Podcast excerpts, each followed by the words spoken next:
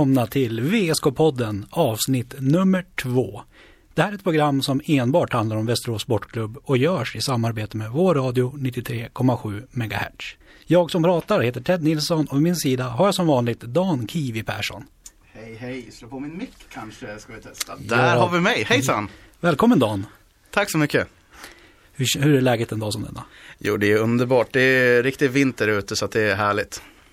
Och i varje av de här avsnitten så gästas vi av någon eller några personer som har någon koppling till VSK Fotboll eller VSK Bandy.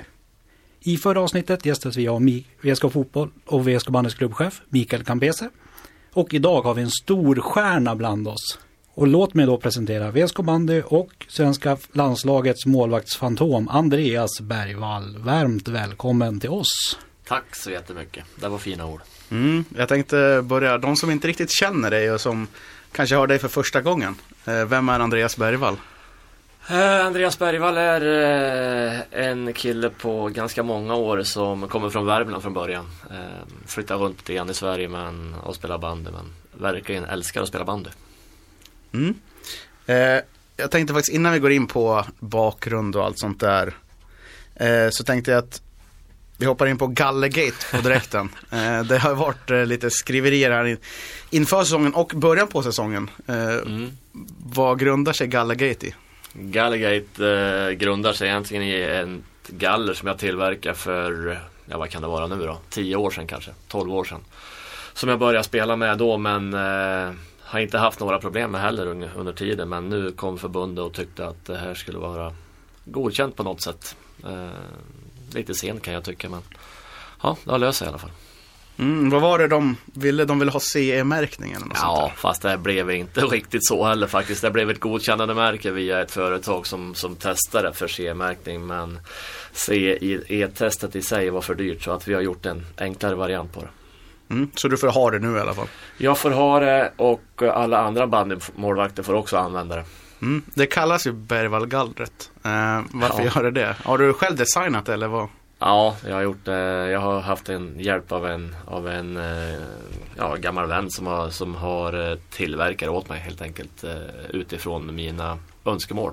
Mm. Så vi höll på ett par månader fram och tillbaka och skicka mellan Västerås och Värmland ett par gånger fram och tillbaka för att få fram exakt det galler jag ville ha. Så att ja, det galler har jag nu. Vad är det för speciellt med det här gallret som du har? Ja, för det första så ser man mycket bättre i det. Det är väl, det är väl egentligen den stora delen i att eh, inga pinnar och ingenting som är i vägen för, för synfältet. Så. Full syn, det är det som jag ser som ett prio ett när det gäller att vara målvakt. Mm. Tänkte kolla lite, har du hunnit lyssna på vårt första avsnitt? Eh, inte hela ska jag inte påstå, jag har hört vissa delar av det. Det Kul. låter ju faktiskt rimligt. Vem orkar lyssna på oss en timme? Är... Ja, och Campo också för den Våra lyssnare är väldigt trogna om de lyssnar en timme kan jag säga. Ja, det är snällt. Du, det här är ju en podd och så finns det ju sociala medier, hemsidor, tidningar och allt möjligt. Och apropå mediebevakning, hur mycket följer du banden i stort? Uh, du menar svensk band eller världsbanden överhuvudtaget? Börja med svensk band. Uh, jag följer rätt mycket faktiskt. Jag uh, försöker läsa och, och, se mycket. Jag försöker se mycket bilder från, från olika matcher som spelas framförallt i elitserien och besöker även och ser några juniormatcher där och till och med allsvenskan. Mm och eh, landslag och sånt där. Du är ju med rätt mycket i landslag. Behöver du hålla koll på ryska ligan till exempel? Den har jag nog koll på mer av egen intresse över att man har varit där och spelat också. Så det finns faktiskt fortfarande ett intresse genom det som gör att jag följer den också. Mm. Och eh, om man då går med på bevakning i stort om man kollar i spelartruppen till exempel i VSK. Hur, hur, hur är det? Är det vissa som lusläser allt som skrivs eller är det de som bara totalt tycker det är ointressant eller hur? I våran trupp så tror jag nog att det är många som tycker att band är ganska ointressant.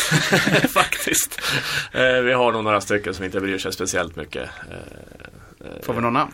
Ja, jag skulle nog, men jag kanske får dem efter mig imorgon då. Jag vet inte.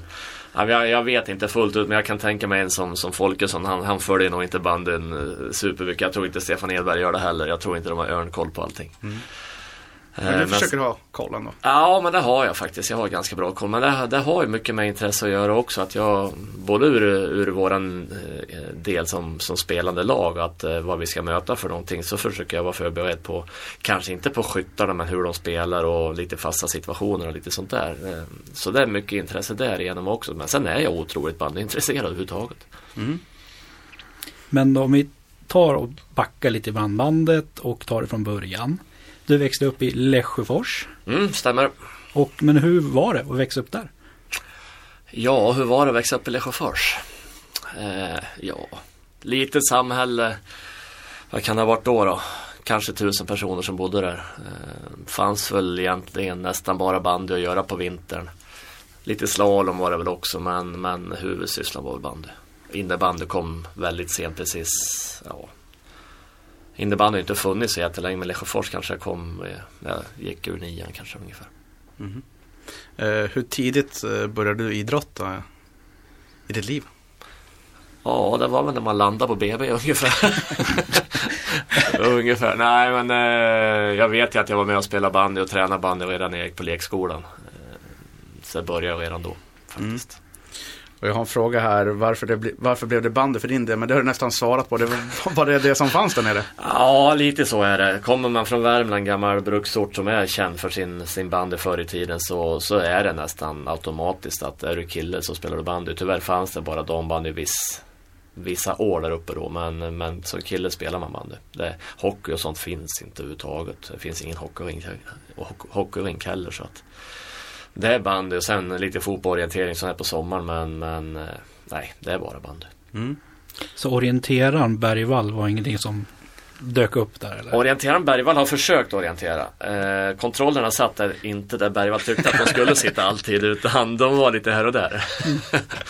men jodå, jag orienterade fram till jag var 17 år tror jag. Mm.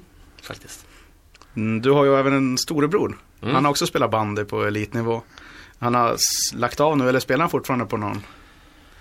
Jag vet inte om han spelar på någon kärn i, i Värmland fortfarande. Nej, han har lagt av. Han avslutade väl egentligen som, som tränare för Vänersborg och sen var han med lite grann i någon Värmlandsklubb där på slutet. Men nej, det är helt lagt av nu. Mm. Han blev back. Du blev målvakt. Ja. Eh, varför blev du målvakt? Vi pratar alltså om Marcus Bergvall för de som Precis. inte vet det. Precis. Eh, ja, varför blev jag målvakt? Jag tror att stora delen i varför har med att göra att jag har en far som var målvakt eh, på sin tid. I både Lesjöfors och Filipstad framförallt var väl de två han spelade i. Eh, så jag tror att han påverkar mig väldigt mycket. Det, det finns mycket historia hemma som morsan brukar berätta att eh, hon, han sitter och håller boll på mig direkt när jag kunde sitta ungefär. Så att han försökte. Jag började faktiskt som forward de första åren men sen, sen eh, halkade jag över till målvakt. Det var ingen eh, stor målskytt i dig? Jag tror det var tvärtom, att det var för lätt att göra mål. Att, att jag kände att så svårt kan det inte vara att vara målvakt. Det måste varit så. ja, men eh, om du ursäktar lite så borde man inte ha en skruv lös någonstans om man väljer att bli bandymålvakt? Jag skulle säga så om jag skulle ställa mig mål för första gången idag. Eh, att då måste man ha en riktig skruvlös. För eh, det går riktigt fort och skjuter riktigt hårt. Men eh, från början så är det ju inte så som alla annan idrott såklart. Att eh, du skjuter inte hårt när du är sju år. Utan det trappas ju upp hela tiden och man växer ju in i varje ålderskull på vägen upp så liksom. Sen för min del så tränar jag mycket med äldre människor hela tiden. Med brorsans lag som är tre år äldre spelar jag med hela tiden och tränar med dem. Så att jag fick nog en annan hårdhet från början också när det gäller det. Men det är klart att jag kan förstå att man kan ha en skruvlös. Jag tycker det med vissa andra målvakter. Handboll tycker jag ser helt bedrövligt ut. Ja, men hur snabbt kommer bollarna idag? Ja, eh, vad kan vi ha där då? 160 kanske kilometer i timmen. Det är nog ganska normalt. Sen finns det väl några som skjuter lite hårdare. Mm, en eh, kanske Jocke Hedqvist, Vänersborg. Mm. Hur är det när han tar straffar och du står på mållinjen och ska rädda? Ja, det är mycket tur om man räddar den om man får en bra träff så är det. Det kan man ju inte säga någonting annat om. Men jag tränar med en som skjuter jäkligt hårt. Jag börjar tro att han börjar närma sig Jocke nu faktiskt med Patrik Sjöström. Mm. Eh, så det, ja, det smäller riktigt otäckt ibland faktiskt. Till och med jag kan tycka att det är otäckt ibland. Du tycker Patrik är ungefär samma order på skotten eller bättre än Nej, han är inte ikapp riktigt än. Mm. Eh, Jocke får växa och bli några år äldre till så då är Putte ikapp. du, eh, vad hade du för mål när du började med banden? Där nere i Lesjöfors. Ja, jag hade väl egentligen som mål från början att jag eh, ville spela i dåvarande allsvenskan. Det heter ju elitserien nu men då hette det ju allsvenskan. Det var väl egentligen det mål jag hade. Eh, landslag hade jag inte funderat så jättemycket på utan sen kom man med i de här som kallas för regionslagen och lite sånt där. Då började man fundera uppåt det är klart med, med landslag. Sen har jag kommit med i alla landslag under vägens gång hela tiden. Så, att, så man har ju fått sett lite i andra mål men från början var det egentligen bara att jag vill spela i elitserien, nuvarande elitserien alltså. Hade ni, du och din bror Marcus, den, hade ni mycket press hemifrån? Från föräldrarna? Nej, det skulle jag inte säga. Vi har, vi har nog fått enormt mycket stöd istället. Eh, jag skulle nog inte ens vilja fundera på värdeminskningen på mor och fars bil så mycket som de har kört oss åt alla håll och kanter. Så. Nej, det är nog där vi får, det är ingen press utan vi får nog tacka så jättemycket för all hjälp vi har fått. Mm. Tror, kunde du tro att du skulle kunna nå så här långt som du har nått idag? Om jag skulle backa bandet och säga att jag skulle ha vunnit allt och, och gjort det jag har gjort och Nej, det är omöjligt att tro. Eh, och det sjuka är att jag sitter fortfarande och tycker att eh, jag inte har gjort så jättemycket i mitt liv faktiskt. Men, så jag vill ju fortfarande vinna mer saker och jag vill vara med och spela mer för jag tycker det är jättekul. Mm. Men om vi går och kollar, växer fram lite här till, vad kan man kalla liksom, när proffskarriären börjar, det här själva, vad kan säga man det blir en, det blir seniorspelare om man går och säger Ja. den vägen. Mm. Då blir ditt första elitseriekontrakt, blir med IFK Kungälv. Japp. Hur var det att ta det steget? Ja, det är ju man måste ju säga på flera sätt. Bandymässigt är det ett steg. Eh, Privat är det ju ett ändå större steg. Lämna mor och fars trygga vrå ner till Kungälv utanför Göteborg och 30, är det 34 mil enkel väg hemifrån. Det är ju ett jättestort steg. Men sen fick jag jättemycket hjälp i Kungälv med, med civilt, så här, med jobb och boende och alltihop. Så jag har fått all hjälp jag kunde få där. Så att, men då när jag kom dit så då visste jag ju att det var ju det här jag ville göra också. Så att då, då var det lättare. Det var, det var tungt i ett par veckor, det var det. Men sen, sen var man inne i alltihop. Mm. När du skrev på för Kungälv då, eh, var, tänkte du att men här ska jag stanna ett par år, eller ganska länge, eller liksom, ville du vidare fort? Om du minns tillbaka på hur du tänkte då, det kanske är, Ja. det är några år sedan. Ja, det är några år jag får backa nu. Eh, jag tror inte jag funderar så jättemycket. Jag vill åka ner till Kungälv och, göra, och vara bra liksom och, och tycka att bandy var lite, lika kul fortfarande. Så var det. Jag hade nog inte tänkt att nej men här ska jag bara vara två år, här ska jag vara tre år eller tio år. Utan jag, jag spelade de här åren och hoppas på att vi ska göra bra grejer med Kungälv. Mm. Och sen, du stannade där två säsonger. Mm, Inför säsongen 98-99 skrev du på för VSK. mm. Eh, hade du någon relation till klubben innan? Nej, det hade jag inte. Men du visste vad VSK var, vilken klubb det var? Ja, det visste jag. Eh, det går inte att missa. Faktiskt. Eh, vi hade mött dem något år innan i någon träningsmatch också. Så här, och eh, sen mötte vi dem i elitserien också. Ett av de här tre åren vet jag vi spelade innan. Vi åkte ur sista året med Kungälv, det ska vi också säga tyvärr. Eh, Så det gjorde ju att flytten blev ganska naturlig. Sen var det väl inte flytten helt naturligt vart den skulle ta vägen. Men, men eh, Björn-Olle Forsberg ringde mig och då kändes steg eh, jättenaturligt. Vad sa han till dig? Ja, jag kan väl säga så här till att börja med att eh, jag undrar vad det var för en kille som mumlade i andra änden när han ringde första gången. För jag hade inte örnkoll på, på eh, Björn Forsberg då. Det hade jag faktiskt inte. Jag har fått mer sen om vi säger så. Eh, så jag undrar vad det var. Men sen gick det upp ett ljus och när han ville träffa mig då så blev jag jätteglad. Mm. Och hur var det att komma till en klubb där stormålvakten Anders Ensen Karlsson stått och vaktat buren i tio år?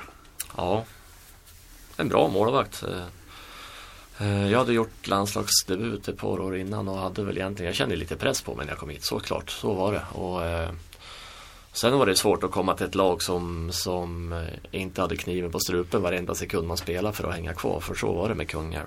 Där var det, här var det träningarna som var viktigast hela tiden i början, medan i Kungälv så var det viktigast att försöka vara på topp varje sekund på plan. Så det var ett stort steg, bara en sån grej att, eh, att man kunde ta väldigt lätt på matcherna i, i grundserien. För så pass bra var VSK då. Du, det blev, I din första session i VSK ska vi säga blev det sex år. Mm. Eh, jag tänkte att vi hoppar lite där. Det har varit något SM-guld och lite sådär.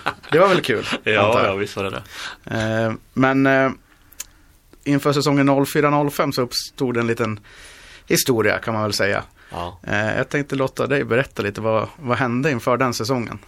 Jag kan säga att Daniel Körling kom till VSK. Och du, var veta, kvar. Ja, du vill veta nu vad som hände, varför jag lämnade VSK.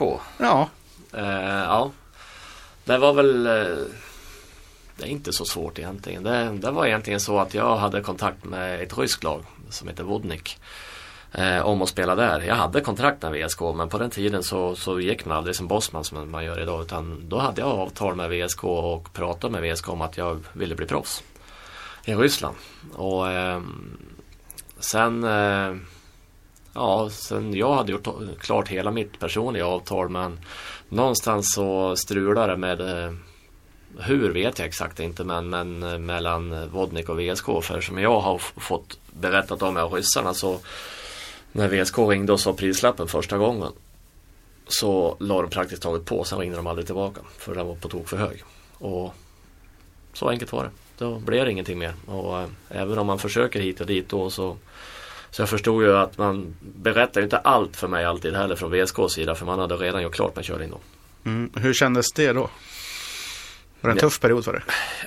Alltså tufft, ja, jag vet inte om det var tufft. Eh, Kan väl säga så här att eh, Vissa delar tycker jag själv att jag kunde ha skött bättre och vissa delar tycker jag att VSK som förening också kunde ha skött bättre. Man skulle ha talat om för mig att det här datumet har du annars måste vi skriva avtal med Körling. Och då har jag fått tag i det eller, eller inte tag i det som sagt var. Eh, Och nu satt tydligen tydligen liksom helt plötsligt VSK med både mig och Körling. Och eh, där förstår man ju att eh, vi var båda två landslagsmålvakter då. Och eh, rimligtvis så kan man inte ha två landslagsmålvakter i en trupp. Det är både dyrt och, och ohälsosamt tror jag på alla sätt och vis. Mm. Du kände ändå att det var du som skulle flytta på det där eller? Ja, även om man sa från, från tränarhåll att eh, så var inte tanken så förstår jag också att eh, jag hade ett år kvar på kontraktet, mitt sista år och Körling hade tre. Så det säger sig själv för man har prioriterat. Mm. Så pass smart är jag trots att jag är bandymålvakt. Och sen vart det Vetlanda.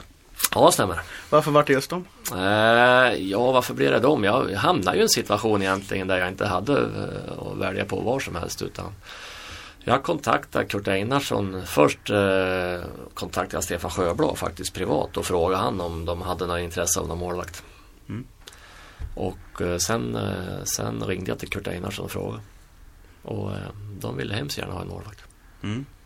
Hur reagerar de när du ringer och säger att vill ni ha en målvakt? ja.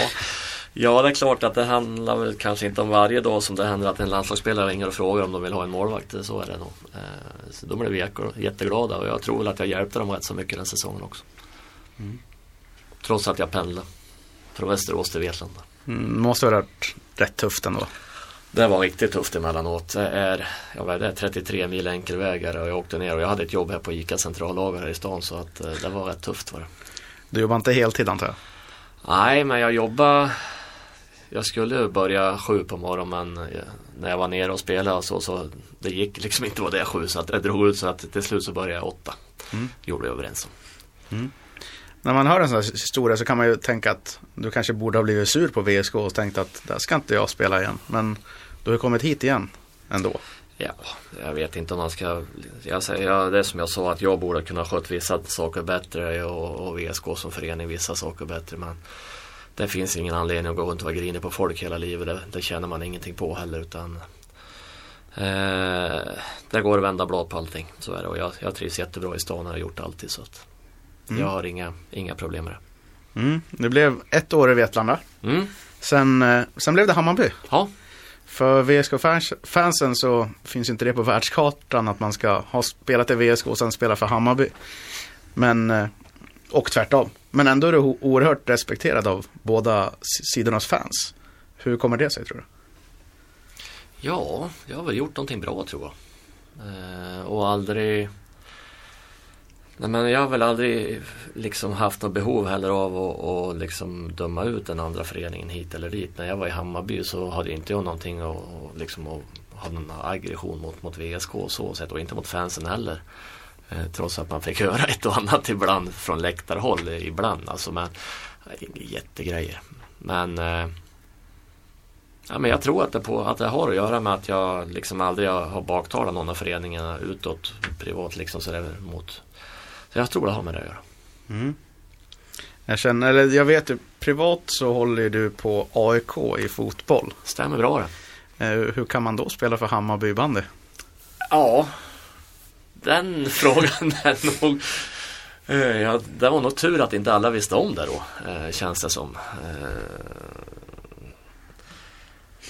Den är ju rätt känslig men jag har alltid hållit på AIK. Jag hymlar inte med det där uppe heller egentligen. Utan jag sa det väl aldrig så här inne i, i, i, i tältet efter matcherna när de intervjuade. Det gjorde jag inte direkt. Men, men eh, samtidigt så jag som kommer från, från eh, landsbygden från början har ju inte samma relation känner jag heller som, som ur Södermalmsgrabbarna och, eller de som håller på AIK har. Utan för mig känns det liksom att det, det är fullt möjligt att göra sådana där grejer. Mm, så du hade inget problem med att Nej. spela för den ena och hålla på det andra? Nej, men det, det är ju inte ens samma sport heller. Nej. Utan och AIK har ingen bandy som, som är värd namnet förutom AIK dam? Ja, de är bra. Men eh, det, kan, det jag får inte spela det. Får inte göra det? Nej, jag tror inte det. Ehm, sök dispens kanske? Ja, jag får prova det. Gallagate gick ju igenom så, till slut, så att jag kanske ska prova dambandyn så. ja. Eh, nej, men jag tror att det, det har väl också med en del i det att göra. Att eh, det finns ingen konkurrens däremellan. Men när Hammarby kommer hit och gästar Västerås, Mm. då blir det alltid lite uppsnackat, det är lite derbykaraktär över matcherna. Mm. Men hur upplevs det från Hammarbys sida när VSK kommer på besök? Ja, men det är ju lite den känslan att det är lite derbyaktigt håller. Men, men jag tror att vi från Västerås sida har ju mer med Sandviken genom åren när det gäller det här närmaste liksom rivaliteten mot Hammarby. Men däremot är det mer, ja men det är lite grönvitt derby liksom med Hammarby och det är det som jag känner att det är det som blir lite mer speciellt med dem. Och storstad mot, mot lite mindre stad som vi är. Så. Eh, men det är klart att det, visst är det, det från Hammarbys håll så är det ju också mycket att eh, Västerås är det laget som har vunnit jättemycket. Så är det väl en del också och, och har varit bra många år. Så där sitter en viss rivalitet såklart. Sen fansen har väl haft sitt mellan åren också. Och det gör ju också att det känns även för oss som spelar. Finns det någon skillnad i att representera VSK kontra Hammarby? Ja, Eller- idag är det ju hästlängder i skillnad på att representera när det gäller att träna också. Ja. så är det, det har ju Hammarby en helt annan grej. Men, ja. Hur lyckas de vara så bra ändå, tror du? För att de är vana vid det. Eh, Det är väl lite det att man I år tycker jag faktiskt att Hammarby har pratat mer om sina dåliga förhållanden än vad de gör förut. Men det har väl också att göra med att de sätter press på kommun och, och Stockholms stad när det gäller hallbyggnation. Mm. Men annars så de åren jag har varit där, tre totalt, så, så eh, är man otroligt bra på att köpa att det är strular. Det är liksom lite Hammarby. Det ska strula lite grann. Då är man som bäst. Mm. Men om vi fortsätter i din karriär lite längre Mm. fram. Så efter Hammarby så blev det Ryssland för din del. Japp. Först ett år i Raketa. Sedan två år i Dynamo Kazan. Och då antar jag att du har rätt så många historier om det ryska bandylivet. Ja, till att börja med så de två klubbarna, det är samma förening. Raketa och Dynamo Kazan, det är samma förening. De byter bara namn. Okej, vart, inga- köp- vart man uppköpta eller? Uppköpta, man tyckte att nej men det här blir bättre för oss om vi är polisens lag istället för gamla Raketa. Så då, då ansökte man att komma in som Dynamo. Dynamo är polisens grabbar. Så du var polisens grabb ett tag? Ja, jag var polisens grabb. Hur var det? ja, det var lite häftigt. Alla ryska grabbarna fick ju eh, en legitimation så fort de blev stannade så visade de upp den så fick de köra. Så att då spelar det ingen roll vad de har gjort i trafiken. Inte du? Nej, vi var svenskar, det funkar inte på samma sätt. Hur är det att vara svensk i Ryssland? Blir man accepterad av de andra spelarna och publiken och allt sånt? Ja, om du accepterar deras villkor eh, när det gäller deras levnadssätt och deras kultur och allting sånt. Gör du inte det så får du, då får du det jobbigt. Eh, accepterar man på att du är i Ryssland och gör det bra så då får du stor respekt och väldigt bra acceptans faktiskt. Mm. Eh, för oss på sidan om banden så har man hört massa historier om Ryssland i stort och ryska livet. Eh, hur ser verkligheten ut när man är Rysslands proffs? Liksom? Är det sova, äta, bandy? Ja, det är det. Plus lite till såklart. Det, man tränar ju en gång om dagen så man har ju rätt mycket fritid. Eh, så eh, det är klart att alla bortaresor blir ju, där, då blir det väldigt mycket. Då man är borta och spelar två eller tre matcher i sträck och ligger på hotell och bort i Sibirien. Och det kan vara 40 grader kallt ute. Man går ju inte runt och tittar på stan direkt på kvällarna. Det gör man inte. Inte? Nej, inte riktigt. Vadå då? Ett är ju att det är lite annorlunda att gå ut en stad i Ryssland än i Sverige än i Västerås om vi säger så. Men att det är lite farligare, det måste man ju också säga att det är. Plus mm. att det är kallt. Ja, det pratas ju lite här och var att den ryska idrotten i stort håller på med massa fuffens. Och eh, det har vi fått bevisat framförallt när det gäller skidsporten. Det är många ryssar där som har blivit avstängda på grund av doping. Eh, hur mycket fuffens håller rysk bandy på med? Ja, om vi tar alla andra sporter som börjar komma fram nu så tycker jag istället för att inte säga för mycket så kan man ju bara ställa en motfråga. Tror du att bandyn är ren om ingen annan är det? I Ryssland? Mm. Nej, ja, kanske inte. Nej. Då får du dra din egen slutsats där. Eh, men du behöver inte säga vad, men märker man att det är mycket grejer som händer när man är där borta? Ja, det gör man. Det är mycket grejer som händer åt alla håll och kanter, det tycker jag inte. Men är det öppet eller försöker man dölja det så mycket det går? Eh, ja men både och skulle jag säga. Det, vissa delar är öppet och vissa delar är ju inte öppet. Så det, det är svårt att säga men eh, som, som svensk får vi nog inte reda på allting heller. Det tror jag faktiskt inte. Mm. Du, du pratar också mycket om att domare köps i mm. vissa matcher. Mm. Eh, tror, du, tror du att sånt sker? Ja. I nutid eller för länge sedan? Ja, jag vet ju att man har jobbat med att, att få bort det. I första året jag var där borta då var det fullständigt bedrövligt. Faktiskt. Eh, då kunde komma, kom motståndaren fri med mig och, och, och fick ett felskär så dömde de ju straff ibland. För att de skulle vinna som hemmalag liksom. Det, det hände. Eh, men jag vet ju att de har jobbat på att få bort det och eh, det har kommit bort till viss del när viss finns det kvar. Det, mm. det, säger de även när man pratar med ryska grabbarna att det finns kvar i KHL också. Mm. Jag tänker hur reagerar du på ett sånt beslut till exempel? Någon kommer och domaren blåser straff och du är där. Vi vet lite grann, vi har sett dig på sidan och kan reagera lite grann på domslut. Hur blir du i en sån situation? Ja. Vet du om att ja, men så här är fallet? Eller att du går och protesterar hej vilt mot domaren ändå? Eller hur, hur tar man den situationen? Nej men det är klart att du inte blir nöjd. Så kan vi väl säga. det är inte riktigt så det är inte läge för mig att sätta mig bredvid min grabb och berätta en historia eller en barnsaga där. Det är det ju inte. Utan eh, det är klart att det kommer en ramsa.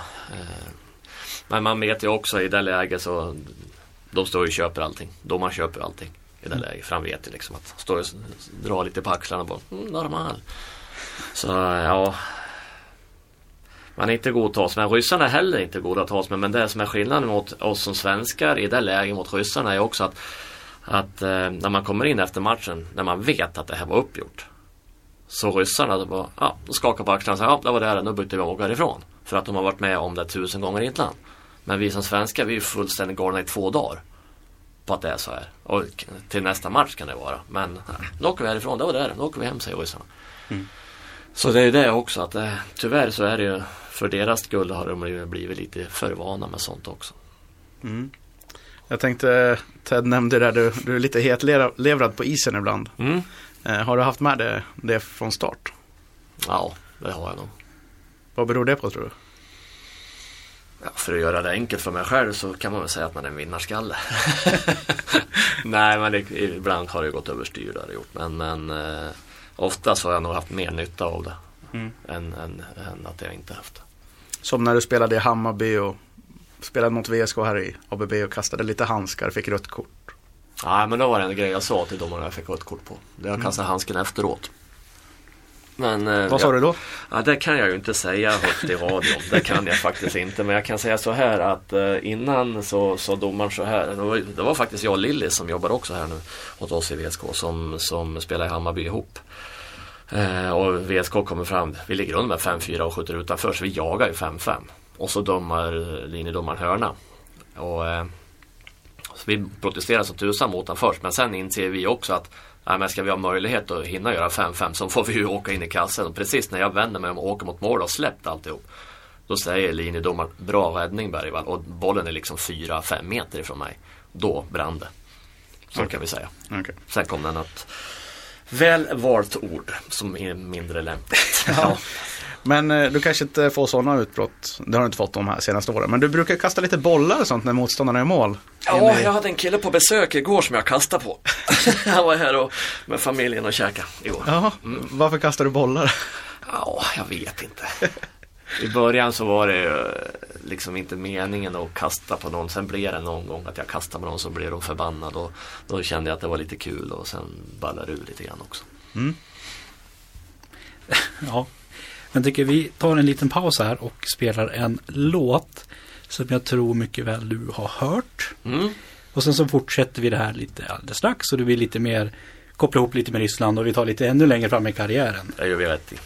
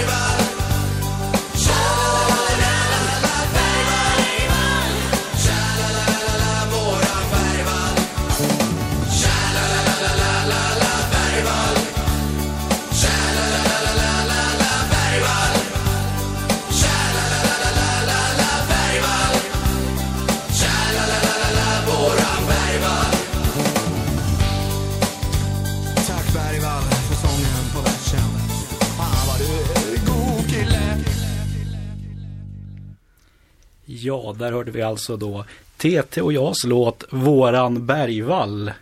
Som jag gissar att du känner igen mycket väl. Ja, jag har hört den någon gång. Det har jag gjort. Hur bra tycker du att den är? Ja du, jag vet inte om jag ska säga. Åh, jag får väl säga att den är bra då. Ja. Stämmer riktigt om att du själv sjunger i låten? Ja, vi får leta reda på det själva när och så, så men jag tror det hörs ganska väl. Ja, den här spelades in rätt länge sedan, första säsongen. Mm. Något sånt där när du var här. Ja, jag tror det var 98 faktiskt. Den håller den. Det är ju en riktig dänga. Det kan bli en sommarplåga om den spelas på rätt ställen bara. Ja, jag tänkte vi knyter ihop Ryssland här lite och pratar om eh, lite Tobias Holmberg när han var över så la han ut lite bilder på Instagram och så om eh, vad man åt till lunch. Det var genomskinlig soppa med en halv ägg halva i och kanske en brödbit till. Var det så på din tid också? Ja, det var ju den goda soppan då. Nej men det var det är lite så. Det, men det är alltså viss mat är bra. Eh, Men vissa soppor är ju, det är ju nästan bara buljong och en, ja men som sagt en halv, ett halvt ägg i. Och det är samma, det kan vara två köttbullar och lite gräsklipp. lite sånt. Klarar man sig på det där borta? Mm, inte på bara det, men, eh, men eh, det är ju mer mat till. Det är ju liksom en vanlig lunch är ju tre rätter. Det för och, och sen soppa och sen en, en huvudrätt. Så att det brukar bli helt okej. Mm. Eh, Efter Ryssland så blev det grannklubben här i stan, Tillberga. Mm. Hur gick det till? Eh, Det gick till på det sättet att jag kände väl, eller ja, både jag och min, eh, min fru kände att eh, vi inte, eller hon kände att eh, inte orkar vara själv hemma längre utan ville att jag skulle komma hem och spela. Och eh, Tillberga ville att jag skulle spela där och även VSK till viss del också då. Men, men eh, Att någonstans- du skulle spela Tillberga eller? Ja, jag tror att de ville att jag skulle spela Tillberga så att de skulle vinna båda derbymatcherna. eh, nej, att de ville att jag skulle spela på båda ställena. Eh, men någonstans kände jag just då att nej, men jag tyckte det kändes bra med Tillberga och Östling var på mig och tjatade hål i huvudet på mig några gånger också. Så att, ja, det blev så. Mm. Du, jag har faktiskt eh, under alla de här åren som du har varit i Vetlanda, Ryssland, Hammarby så har du ändå hållit till här i Västerås. Ja. Hur kommer det sig? Känner du dig hemma här? ja, jag har gjort det hela tiden och jag, jag trivs jättebra i stan. Jag har gjort det hela, hela perioden faktiskt. Och du har fått pendla som sagt, sagt till Stockholm och Vetlanda och Mm. när du var i Ryssland så pendlade du väl inte dagligen. men, eh, men hur, var det, hur har det varit för familjen att de ändå har varit på samma ställe? Ja men det har väl varit en fördel ändå för att någonstans så eh, Om jag skulle ha flackat runt till alla klubbar jag spelar i då har vi inte gjort annat än att flytta. Eh, Men eh, det har gjort ändå att vi har skapat ett kompisgäng och ett umgängesgäng som, som har även hjälpt Marie här på, på hemmaplan såklart med, med barnen och så. Mm. Eh, ja, nu kommer jag tillbaka till Tillberga. Hur, Ja. Den säsongen du var där, hur var det? Ja hur var det? Om du minns. Ja men vi var väl bra på att säga från början då också att vi inte skulle behöva kvala. Eh, utan eh, och eh, jag vet ju också att vi kommer in eh, efter premiären och spelar 5-5 mot Vänersborg som har spelat i elitserien i Ja, måste ha varit i tio års tid och, och säger att vi underskattar dem och det förstår jag fortfarande inte idag hur, hur vi kunde tycka att vi skulle underskatta dem. Eh, jag blev ett väldigt, väldigt stort frågetecken då. Eh, Men äh, det var alltså det, bandymässigt var det ett helt okej år. Det, upplevelsemässigt var det också mycket som hände som med Pelle som tränare och lite sånt där också. Och Fosshag. Så det, det är ingenting jag ångrar det heller egentligen. Det är Mm. lite grann runt omkring som, som inte flöt som jag önskade och ville. Men bandymässigt inget, inget krångligt egentligen. Vad syftar du på där runt omkring? Ja men det var lite grejer som, som eh, borde ha fixats bättre än, än vad som hände. Så kan vi säga. Från klubbens sida eller från Ja. din sida? Ja, jag tycker väl egentligen från klubbens sida från början så, så tycker jag väl att det var så. Hur De var- tycker garanterat inte så men, men det, det må vara så. Du pratade om Pelle Fosshag som tränare. Mm. Hur var den upplevelsen? Du har ju spelat med honom också. Ja men Pelle är bra på, på väldigt mycket saker. Det är han. Sen kanske, sen kanske det inte funkar 100% bra alltid med han som både tränare och spelare samtidigt. Men, eh, men som bara tränare så skulle det nog funka bra.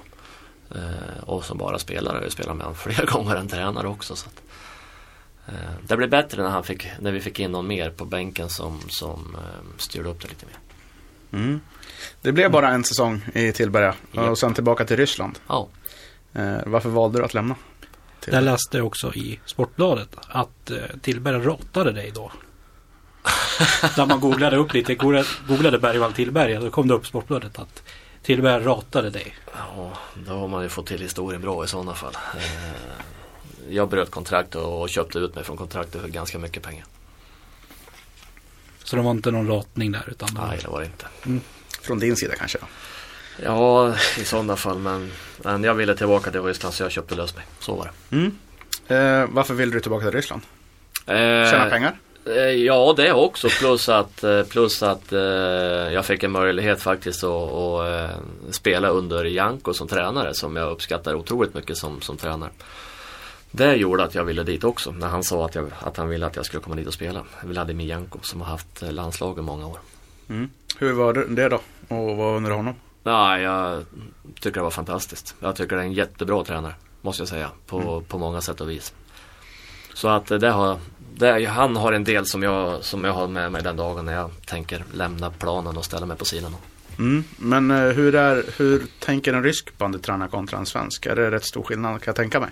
Mm, ja, det är det. Det är stor skillnad. Men Janko är väl kanske den som, som eh, ändå är närmare Sverige än många andra ryska tränare. Många ryska tränare är ju diktatorer. Eh, Janko lyssnar och, och funderar och kan otroligt mycket tycker jag.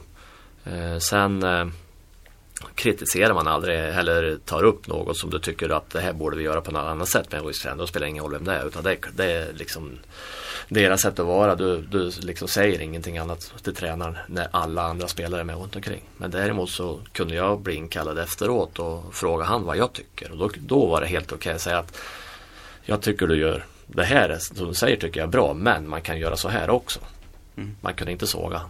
Det är helt rätt, det ska man inte göra. Mm. Och eh, sen kom du egentligen då tillbaks till VSK. Jag har ett år någon annannstans först. Hammarby också. Hammarby, ja men.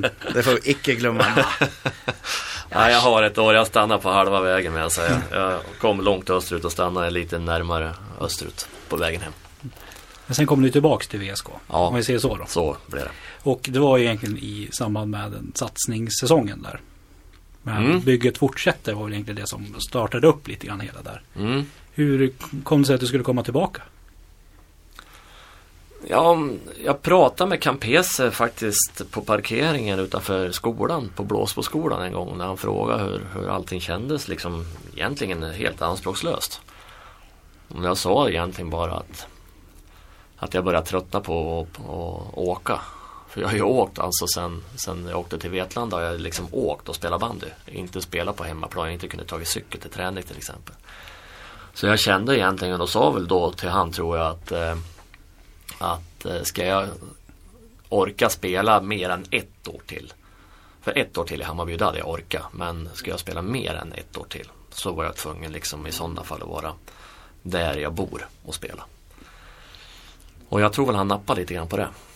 Så eh, sen kom vi väl, sen ringde han någon gång sen så vi träffades och pratade lite mer om, om hur jag såg på det. Och, och eh, för, för att det skulle bli intressant för han tror jag framförallt så sa jag att jag såg inte det här som en ettårsgrej utan jag såg det här minst som två, tre års grej. Och då blev det ju intressant för VSK också för att man hade trots allt en rätt bra målvakt då också innan. Så skulle, skulle man ta mig så kändes det som att ja, men då, då var det krav på att det skulle vara minst två till tre år. Och det har det ju blivit och det var väl egentligen både som jag kände och som klubben kände och då, då fortsätter vi jobba vidare på det. Eh, hur många år till? Ja, hur många år till? Eh, Du, du sa ju två, tre. Det har ju gått det. Den tiden. ja, vi är inne på tredje av de här nu. Ja. Eh, ja, hur många år till kan det bli? Jag har suttit och pratat med, med, eh, med Kampa om det här faktiskt. Om ett eventuellt nytt kontrakt. Så vi får se då. Du är fortfarande sugen eller? Ja, det är jag. Jag tycker det är kul än faktiskt. Eh, Det är konstigt att sitta och säga det fortfarande att man, är, att man är sugen fortfarande att spela och tycker att det är så pass kul att spela. Jag tycker det är jättekul att åka ner och träna fortfarande. Och, eh, ibland är det lite tyngre men, men när man kommer upp på isen så tycker jag det är fortfarande lika kul. Även om man har mer ont i kroppen idag än när jag var 23-24 år så, så är det ändå kul att träna fast det gör ont. Det, det är konstigt men så är det. Du vill fortsätta trots sex SM-guld. Eller sex VM-guld, fyra SM-guld, flest landskamper genom tiderna i bandy. Eh, Ja. Och sen lite andra saker där också gissar jag, runt omkring. Och någon så Lite här, stor man och lite sånt där. Ja, det är ju just det att det är väl egentligen den frågan, de två frågorna jag får det är hur länge tänker du spela på och varför orkar du hålla på när du har vunnit allting?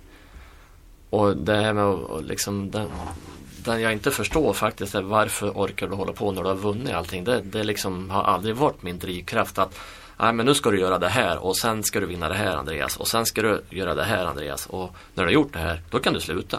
För det har aldrig varit min drivkraft att spela bandy för att vinna medaljerna. Sen när jag går in i en säsong då vill jag ju vinna självklart men jag har ju aldrig som mål att nu ska jag ta alla medaljer i hela världen. Utan jag spelar bandy för att jag tycker det är fruktansvärt kul och det gör att jag orkar hålla en hög nivå och orkar fortsätta spela och träna.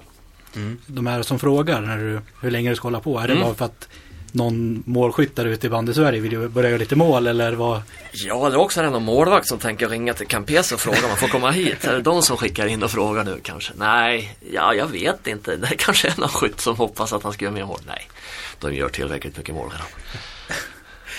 Eh, av de, alla de här titlarna och så, Ja. vilken, eller vad är du mest stolt över? Det Oj. be- behöver inte vara titlar heller, det kan vara något helt annat. Ja, det kan ju egentligen vara vad som helst.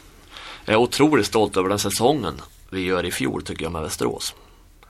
Eh, att vi vinner både World Cup och SM-guld. Eh, den är jag stolt över. Jag är stolt över mycket faktiskt som jag har gjort, måste jag säga. Det är det som är lite konstigt, att det är svårt att ta fram något speciellt. Mm. Jag har nog ingenting som jag känner så här liksom att den där, wow. Och då skulle nog den medaljen eller den grejen ligga hemma på något speciellt ställe och jag har ingen sån. Nej. Till exempel så hänger tavlan för, för Årets man hänger en meter över backen i källaren inne i, där det är kolsvart dygnet runt. Så liksom den på det sättet så, så har jag ingenting liksom så att eh, just den här grejen utan jag, jag är stolt över jättemycket jag gjort och jag är stolt över det jag gjort totalt sett i mitt liv. Det är jag också men jag tänker inte på det. Men du har inget prisskåp hemma som du har allting i eller? Vi har ett skåp som egentligen inte var tänkt som prisskåp som, som har hamnat... Men sen vann du så mycket. ja, precis. Nej, det står bara där. Sen har vi börjat med att ställa in ryssgrejerna. Eh, lite medaljer och lite så konstiga saker man fick därifrån. Lite skattelättnader om jag skulle flytta till Ryssland. Det ligger något certifikat där för sånt. Och någon hedersmedalj från, från Kazan som stad. Och, eh, sen kom VM-gulden hamna i den också och sen står det. Och sen, men, nästan alla grejer jag får nu hamnar på den yngsta grabbens rum. Alla pokaler. Ja, den tar jag, säger han. Så springer han upp och ställer den någonstans. Så det är mer så faktiskt. De står lite här och där. Det är väl ändå kul att han uppskattar det du gör. Ja, det gör han. Eh, Det gör han helt klart. Allt som jag får så liksom så, så vill han ha det och det är skitkul att någon vill ha det.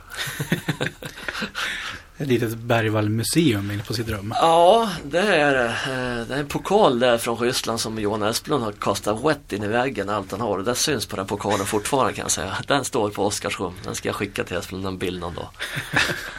Vad är det för pokal? Det är, eh, jag tror det är pokalen för, nu ska vi se om jag inte säger rätt men fel, men jag tror det är pokalen för bästa målvakt i ryska ligan. Andra säsongen jag var där tror jag. Va- Varför kastade Johan Esplund den? Jag vet inte, han lackade ut lite grann på, på eh, bronsfesten som var då.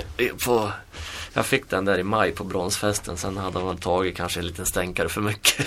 Sen när jag skulle få upp honom på hotellrummet då blev han lite sur och tog pokalen och kastade den i väggen. Så kan man göra. Så kan man också göra. Ja. Du, senare i år här så fyller du 42. Ja, vi skulle gå in på det ja. Ja, vet du, jag tänkte vi, nämner det lite Ja, lätt gör så det. här. Eh, Du har pratat om att du får svara på frågor vad drivkraften är och Mm. sådär. Men vad är det som har gjort att du kunnat hålla på så här länge? Ja. Det är. Trots din ålder. Ja, precis. Trots, trots, det är ju faktiskt trots min ålder. Det är ju det. Man slutar innan man är 42. Det gör alla i hela världen egentligen. Man tycker att eh, Gigi Buffon i Juventus är gammal, men han är bara 38. Nej, men han måste vara mer. Säg att han är mer.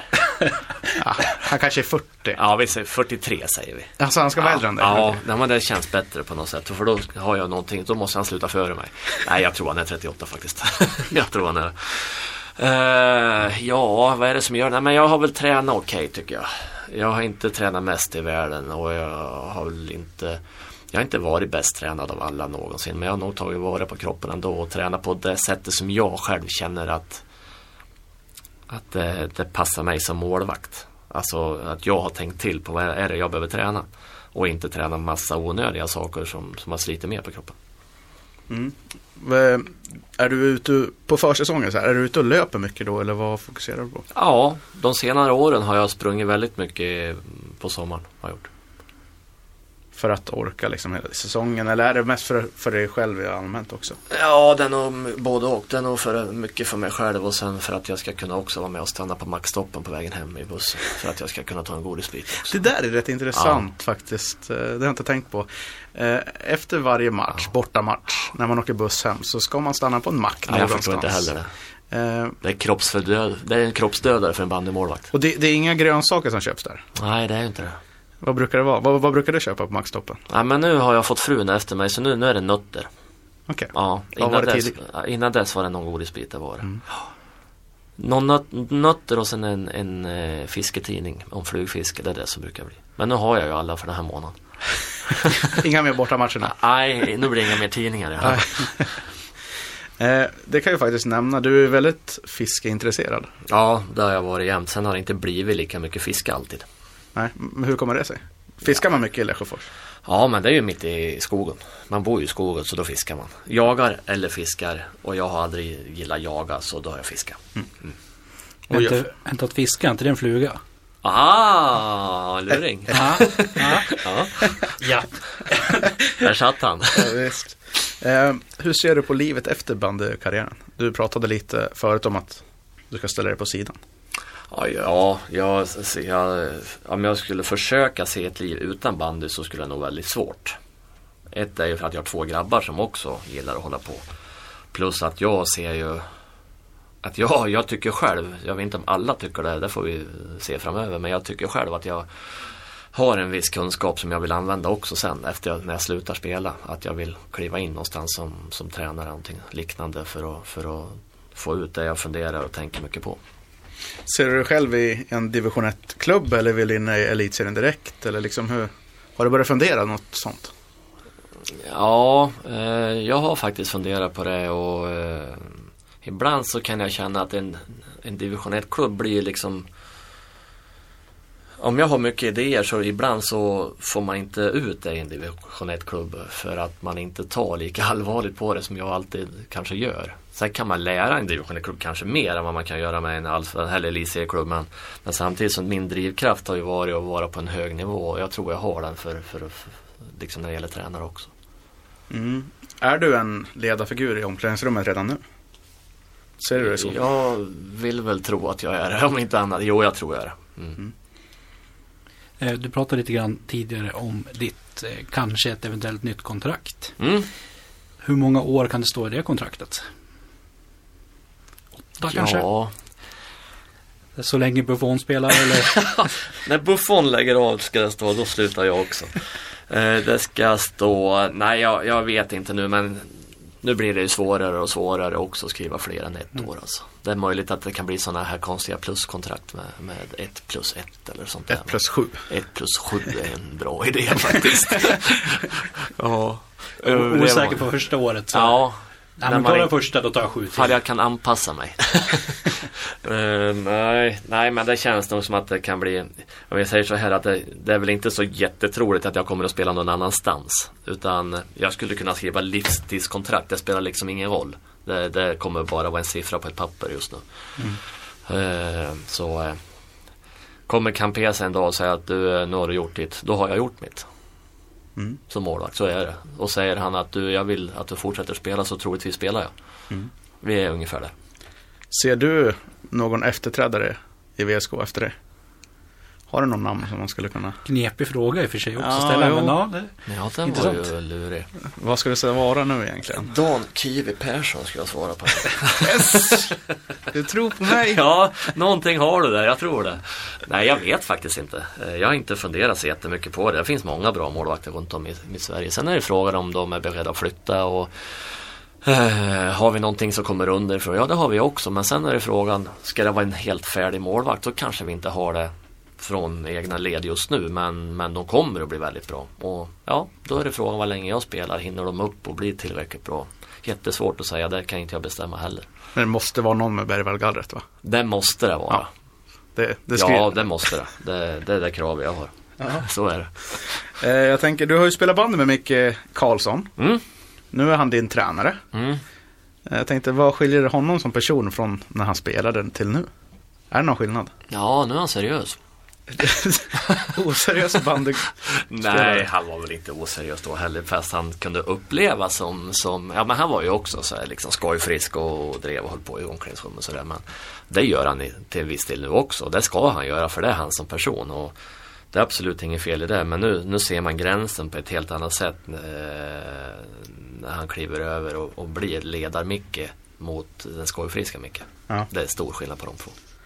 Vad är det som har gjort att det här, att han har lyckats i det här laget så snabbt ändå? Det var hans första säs- säsong förra året och då var han, vann i World Cup och SM-guld som du sa. Ehm, han var ju med och skapade så att vi hade klara bilder vad vi ville göra. Sen ska man ju säga också att han har ett bra material att jobba med. det har han ju också. Eh, av bara bra bandyspelare. Men han är, han är väldigt bra på att ta fram det som, som han tycker att vi ska göra och bra på att ta fram så att vi har energi på träningarna. Den tror jag är viktigt som tusan att, att eh, man har intressanta träningar som, som följer den det du vill göra på planen när du spelar matcher. Och verkligen få grabbarna att, att köra efter det och köra fullt ut och, och eh, prestera max på träning. Är, har du honom som förebild när du tänker att du ska bli tränare efter karriären? Är han så som du vill vara på något sätt? Han var inte, han hade ingen nyans alls i, i mitt tänk för två år sedan innan han kom in. För då har han ju bara varit i Köping och då har man ingen bild så. Eh, nu har han, det är klart att det finns influenser hos Micke som, som jag tycker är väldigt bra egenskaper att ha.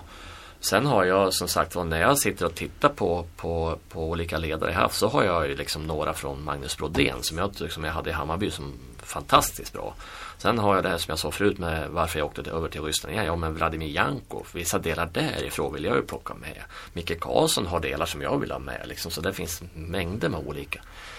Eh, Så att det är klart han har vissa delar som jag känner att det är, det är mycket, där är han väldigt bra. Så det är någonting som, man, som fler skulle ta efter. Ja, tränaren Andreas Bergvall låter ju som en väldigt härlig blandning på något sätt. Ja. Om man lyckas med de där delarna. Och Det olika. finns ju lite ryskt blod när det gäller banden och lite svenskt blod. Så det, den mixen är ju, den är ju intressant. Den skulle jag vilja prova både i Ryssland och i Sverige faktiskt. Du kommer prata mycket med fjärdedomaren kanske? Antar jag. Eh, det är kanske bra om jag inte gör det. Så eh, jag kanske får stå åt andra hållet och neråt i bänken. Nej, jag tror inte det är så farligt faktiskt. Jag tror att som ledare tror jag att jag är annorlunda än som spelare många gånger. Det är klart att jag tänker att jag kan säkert bli påverkad också. Eh, om det är någonting som jag tycker är otroligt fel. Men det är mycket värre när du som spelare när du har mycket, mycket mer adrenalin känner jag. När man är mitt i allting. Så kasta en boll som tränare, det känns lite uteslutet eller? Nej, det känns uteslutet. Men däremot så står ju klubbställe strax så då, Det är ju det som är lite lurigt. Vi får nog låsa klubborna.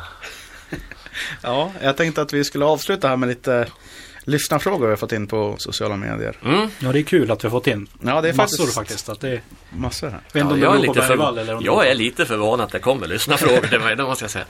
Vi har en här från Johannes Angberg på Instagram. Är det inte läskigt att rädda så hårda skott? Du var inne på det lite tidigare. Ja, eh, vissa skott kan ju faktiskt vara riktigt läskigt. Eh, framförallt om de är på väg mot fel kroppsdelar eh, och hårda. Så då kan det göra jäkligt ont faktiskt. Men, eh, men som målvakt så har man blivit lite van faktiskt att det, att det gör ont också. För det gör det, det måste jag säga att det gör. Eh, jag har ju växt med hela år, vägen liksom när det gäller skott så sett med hårdhet. Så, så att eh, det är inte läskigt så att jag blir rädd på sikt utan det är bara just för sekunden i sådana fall det är läskigt. Mm. En fråga från Underline Walter. Hur förbereder du dig menta- mentalt inför en match?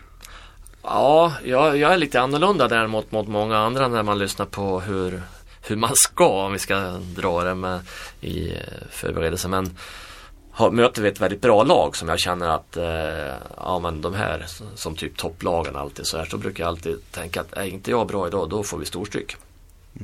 Lite så. Men det låter Är det rätt att jättekonstigt. tänka? Ja men då känner jag att jag vill, känner ju själv att jag vill inte gå ut där och bli förnedrad. Lite så. Du sätter gärna hög press på dig själv alltså. Det gör jag. Mm. Det gör jag, garanterat. Vad jag är van att göra, så det är inget konstigt. Mm. Abbe Rosell undrar vilken den bästa libron du har haft framför dig är. Nu blir jag tyst. Ja. Det är också många. Eh, ja, men jag, jag måste nog säga eh, Olle Englund eh, sista år i Hammarby. Martin understreck Sibi Om du inte var målvakt, vilken position skulle du då velat ha? Jag har ju garanterat varit forward. Det är lätt. Jag har Du bra... vet ju vart bollarna ska sitta. Ja, och jag har ett bra skott. Det är sant. Det har jag. Ja, då litar vi på det. Japp, det är sant. Ja, och det är nog det allt vi hinner med faktiskt idag. Det är tiden springer på här inne. Yes. Eh, och du har alltså då lyssnat på VSK-podden. En hel timme bara om Västerås Sportklubb. Vill du lyssna på programmet igen kan du göra det i din podcast-app. Sök då efter VSK-podden. VSK-podden kommer tillbaka första måndagen varje månad, vilket nästa gång blir den första februari. Vi vill tacka vår gäst Andreas Bergvall för att du ville komma hit, berätta dina kopplingar till Västerås Sportklubb. Tack så jättemycket.